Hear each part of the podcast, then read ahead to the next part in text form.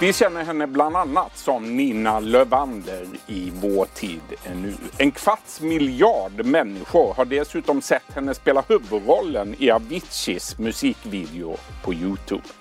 Den 21 februari är det premiär för dramakomedin Min pappa Marianne där hon spelar mot Rolf Lassgård. Och senare i höst ser vi henne som Doris i nya filmen om Jönssonligan. Varmt välkommen hit Hedda Stiernstedt. Tack.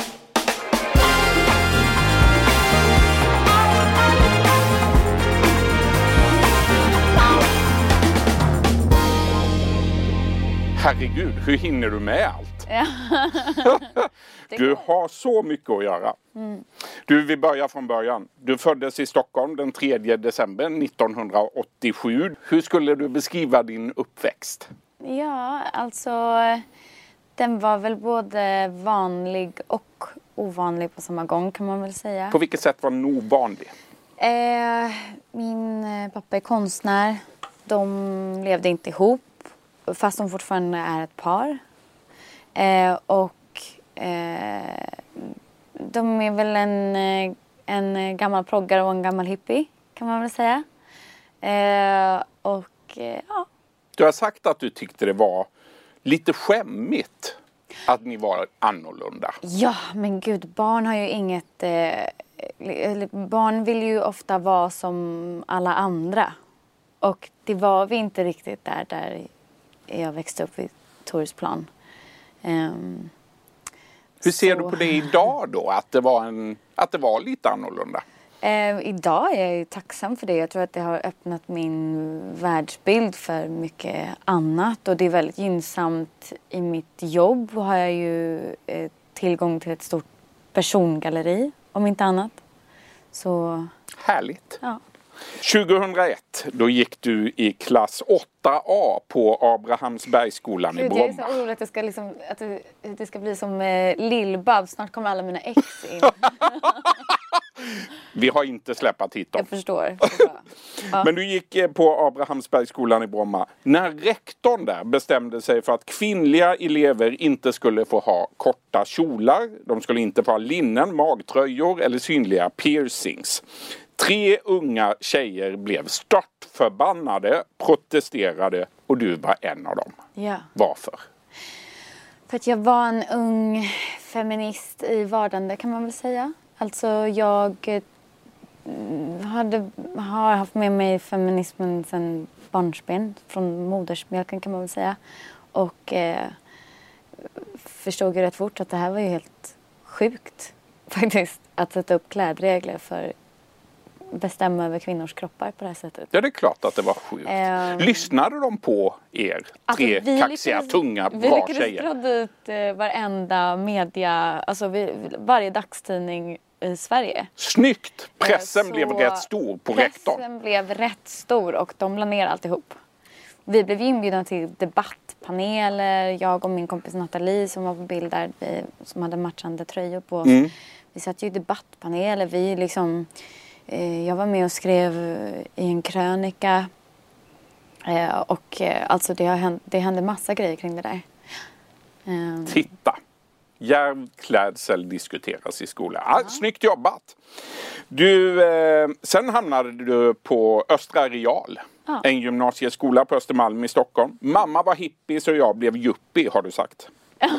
var det så? Det där är en um, textrad från en Alexis Week-låt. Aha! Som jag tyckte var lite kul sådär just för att Passade den dig då? Den passar mig på något sätt, absolut.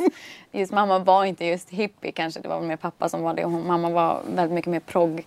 Eh, men jag tycker att den är lite kul för att det är väl lite så att varje generation är väl en motreaktion på den tidigare generationen. Mm. Eh, så att jag hade väl något så här barnsligt sug efter champagne och, champagne och ostron.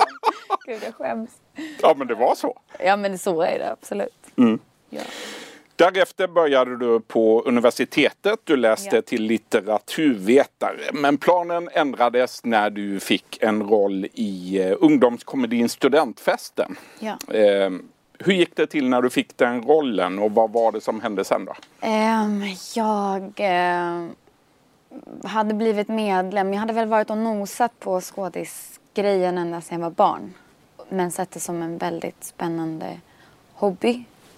Ehm, och trodde liksom inte riktigt att det var någonting man blev utan att det kanske var någonting man mer fick i present av någon välvillig. Jag vet Något inte man fick göra en gång eller så? Ja, men lite så. Jag trodde inte riktigt att det var en, ett yrkesval jag kunde välja. Så, så att då eh, hade jag varit och nosat på den. Jag hade gjort lite kortfilmer, lite musikvideos. Eh, och så. Och då så var jag medlem i någon sån här um, castinghemsida. Statist.se eller Filmcafé tror jag det var. Och eh, där utlyste de just att de sökte kanske lite mer eh, yngre, mer oerfarna eller vad man ska säga. Och jag sökte och fick komma in på en provfilmning. Mm. 2014 då spelade du en av huvudrollerna i Aviciis video till låten Addicted to you. En musikvideo som har visats ofattbart många gånger på Youtube. 261 miljoner gånger. Spelades in i Gällivare under några veckor. Eh, det var du och en annan skådespelare. Vad minns du av inspelningarna i Gällivare? Eh, vi hade väldigt, väldigt kul. Jag, det är min kompis Madde som vi ser här i bild. Mm. Eh, Den mörkhåriga tjejen. Vi är liksom polare privat och hade eh, svinkul i Gällivare. Var det inte Så- kallt? Det var så kallt. Vi höll på att liksom förfrysa. Jag, jag höll på att förfrysa en fot och det var en renskötare som fick kliva in och Nej. sitta och liksom eh, gosa med min fot, eh, med min vänsterfot framför en eld liksom en timme typ att jag inte skulle tappa tårna för att vi satt i så här tunna nylonstrumpor i en gammal Ford. Ja. Eh, men vi hade så himla kul. Titta där är vi. Ja, där är så ni. himla kul. Det är en Eh, oerhört ambitiös video får man Ja, säga. alltså verkligen. Vanligtvis, jag hade gjort lite musikvideo innan- dess och vanligtvis så är det bara någon dag sådär som man håller på. Men vi höll på liksom en vecka, en och en halv och var på massa olika locations. Men vi hade så kul i Gällivare. Vi, vi liksom hade någon utekväll där, där vi eh, blev liksom helt kära i Norrland, jag och Madde. Vi drog runt och liksom sjöng karaoke. Sen så hittade vi några raggare som liksom drog runt med oss i raggarbil och så, så, så hängde vi ut genom fönstren och, och bara så här. Det skrek. låter som typiskt Gällivare. Ja, vi hade, vi hade svinkul. Har du varit tillbaka i Gällivare sedan ni spelade in? Nej, men jag är, jag är redo. Bjud in mig till Gällivare. Härligt. Två år senare, 2016, då fick du rollen som Nina Lövander i Sveriges Televisions fantastiska dramaserie Vår tid är nu. Vad har den betytt för dig, den rollen? Jo, men den har ju betytt jättemycket såklart. Det, jag hade ju gjort en hel del grejer innan som skådespelerska men det var ju första gången som jag gjorde någonting faktiskt, som faktiskt eh, sågs. Eh, kan man väl säga, eller sågs av en större publik i alla fall. Och ehm, det har ju varit en alltså, otrolig roll, så utmanande. Jag har fått spela väldigt mycket. Och eh, det har varit en ynnest att få så mycket tid framför kameran och så mycket tid att utveckla en karaktär och jobba med så fantastiska människor både framför och bakom kameran. Så det har ju varit, det har betytt jättemycket och det har ju öppnat massa dörrar. Alltså det har ju varit, eh, eh, ja vad ska man säga, det är, det är som en era som tar, har tagit slut. Åh, när du säger tagit slut så blir man ju ledsen. Det kommer Du- lite mer. Ja, det gör ju det. Det gör det i december. Det finns några avsnitt kvar. En julspecial. Precis. Vilken är din förklaring då till att Vår tid nu har blivit en sån succé? Och jag får den frågan så ofta. Jag vet inte. Alltså jag, kan, jag har ju ingen förklaring. Det är nästan du som ska förklara för mig Ja. varför du har tittat, om du nu har tittat. Ja. Men eh, jag skulle säga att ehm, jag tror, som jag har tänkt kring så tror jag liksom att Sverige eh, slash världen var väl liksom på något sätt redo för den här maffiga Tidsresan på ett sätt. Tidsresan, det, självklart det, epok lockar alltid. Det, det är väldigt vackert att titta på. Det är estetiskt tilltalande. Det är fantastiska eh, kläder och miljöer och det är också en tids... eh, Det är en, liksom, eh, en historisk berättelse. Det finns massa att lära sig och sådär. Men det, jag tror mycket är de här, det här liksom mänskliga draman, mänskliga relationer. Alltså något så urgammalt som det kändes helt plötsligt fräscht. För att vi hade haft så mycket plottdrivet där ett tag. Det var väldigt mycket liksom spännande berättelser. Och eh, när Vår tid nu lanserades så var det länge sedan vi hade sett en kärlekshistoria. Och en, familjedrama som inte har så mycket plott utan mycket fokuserar bara kring de mänskliga relationerna. Och det tror jag ja, av någon anledning så kändes det nytt och fräscht då. 2018 då utsågs du till Årets kvinnliga skådespelerska i tv-produktion på Kristallgalan. Mm. Eh, hur stort var det för dig? Det var jättestort. Alltså jag blev så glad. För att jag tyckte att det var... Alltså det är ju helt fantastiskt till att börja med att jobba med någonting där man kan få någon typ av eh, utmärkelse för sin insats. Det är, det är en jättestor grej och det är verkligen få förunnat att få liksom en liten klapp på axeln och en eh, putt i rätt riktning eller man ska säga. Alltså, sen är ju inte, pris är ju inte varför man gör sitt yrke men det, det är klart att det betyder något att så här, du, vi tyckte att du har gjort ett fint jobb. Alltså att få den mm. uppskattningen är ju faktiskt, det är så få förunnat. Det är helt otroligt. Och så var det så fint att få dela det med Charlie och alla på något sätt. Underbart. Ja, och för de, teamet var så glada och liksom alla, vi vann ju också årets drama och så och det var, eh, det var så himla, det var som en liten milstolpe och precis då så, det var ju någonstans där eh, vi började rappa inspelningen också så det var så himla en kväll du kommer att minnas. Ja, så verkligen. Och Charlie grät när jag vann och det var så fint på något sätt att känna att så här, ha det stödet i ryggen på något sätt också. Du, nu ska vi prata om filmen Min pappa Marianne. Du mm. spelar dottern Hanna och Rolf Lassgård är pappa Marianne, prästen i Allingsås. Ja. Det här är en film som är baserad på Ester Roxbergs bok Min pappa Kristin som har premiär den 21 februari. Ann-Kristin. Mm. Hur var det att spela in den här filmen? Och det var så fint. Alltså dels Rolf. Alltså vill inte hela världen bara hänga med Rolf Lassgård en längre tid. Um, han, han, är, är fantastisk. Han är fantastisk. Han är en fantastisk skådespelare men också en helt otrolig människa. Han är jätte... Um, det var underbart att få spela med honom. Underbart att få spela med Lena Endre och Claes Viljegård som också är med i filmen och spelar min mamma och min bror. Eh, jag menar, Lena är också en levande legend. Det är helt fantastiskt. Och sen... Eh, nej men det har varit... Eh, det var en väldigt varm upplevelse. En väldigt fin inspelning. Vi, det är väldigt kul att få utforska en eh, far och dotterrelation tycker jag. Mm. Ja.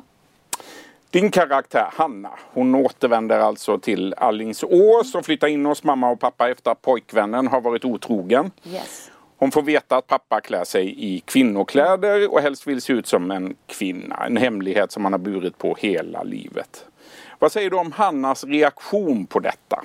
Alltså man ska också tillägga att det är helt mot hennes egen vilja att flytta hem. Det är någonting ja, så är det ju verkligen. Tvingas till. Mm. Ehm, så hon är... Ja, hon är riktigt sur i inledningen av mm. filmen på att behöva vara där. Ens. Avigt inställd till att flytta hem till Allingsås eh, där hon kommer ifrån. Så hon är ganska hon känner väl att hon är med om ett stort misslyckande eh, när hon eh, återvänder. Och eh, eh hon, henne, hon har väl en bild av sig själv som en väldigt eh, progressiv och eh, accepterande människa. Hon är ju den som hon har flyttat till storstan. Hon är den som är medveten och kan och vet allt. Hon känner sig så mogen och, och duktig på många sätt. Um, men reagerar inte alls som hon borde på det här med att uh, pappa Lasse kommer ut. Nej, hon får ett oerhört utbrott på arbetsplatsen där hon jobbar mm. vid ett tillfälle. Händer det att du får den typen av utbrott? vilken, vilken spännande fråga. Mm. Eh, jag kan bli arg Mm. Okej, vi stannar där. Ja. Du, en fantastisk film i alla fall som ni inte Nej. får missa. Biopremiär alltså den 21 februari. Men du har mer än så på gång. För i september då ser vi dig också i en ny film om Jönssonligan. Ja. Se upp för Jönssonligan. Du spelar Harrys flickvän Doris. Mm. Och Sickan Jönsson spelas den här gången av eh, Henrik Dorsin. Mm. Vad tycker du om de gamla filmerna? Jag, jag har tänkt så mycket på så här, vad tycker jag om dem egentligen. Vad, det finns knappt någonting att tycka. De är liksom en del av den svenska själen på något sätt. Alltså, de gick ju på tv hela tiden, kommer jag ihåg. Det är, det är sånt där som bara har existerat med en på något sätt. Mer än att jag aktivt någonsin egentligen har sökt upp dem tidigare då. Ehm, och ehm, ja. Hur är det att spela Doris? det är väldigt kul. Doris är lite annorlunda den här vännen. Hon är faktiskt inte bara en flickvän. Hon är faktiskt med i själva Jönssonligan. Hon är med i själva Jönssonligan. Yes, så hon är med och, och Ah. utför planer och brott helt enkelt. Spännande. Hon är Sickans eh, högra hand kan man säga. Vad kul! Eh, ja, så, så eh, vi får se mer av Doris i de här filmerna än vad vi har Härligt. gjort tidigare. Stort tack Hedda Stiernstedt för att du kom till Tack. vår studio idag. Du har lyssnat på en podcast från Expressen. Ansvarig utgivare är Klas Granström. Ett poddtips från Podplay. I fallen jag aldrig glömmer djupdyker Hasse Aro i arbetet bakom några av Sveriges mest uppseendeväckande brottsutredningar. Går vi in med hemlig telefonavlyssning och, och då upplever vi att vi får en total förändring av hans beteende. Vad är det som händer nu? Vem är det som läcker? Och så säger han att jag är kriminell, jag har varit kriminell i hela mitt liv men att mörda ett barn, där går min gräns. Nya säsongen av Fallen jag aldrig glömmer på Podplay.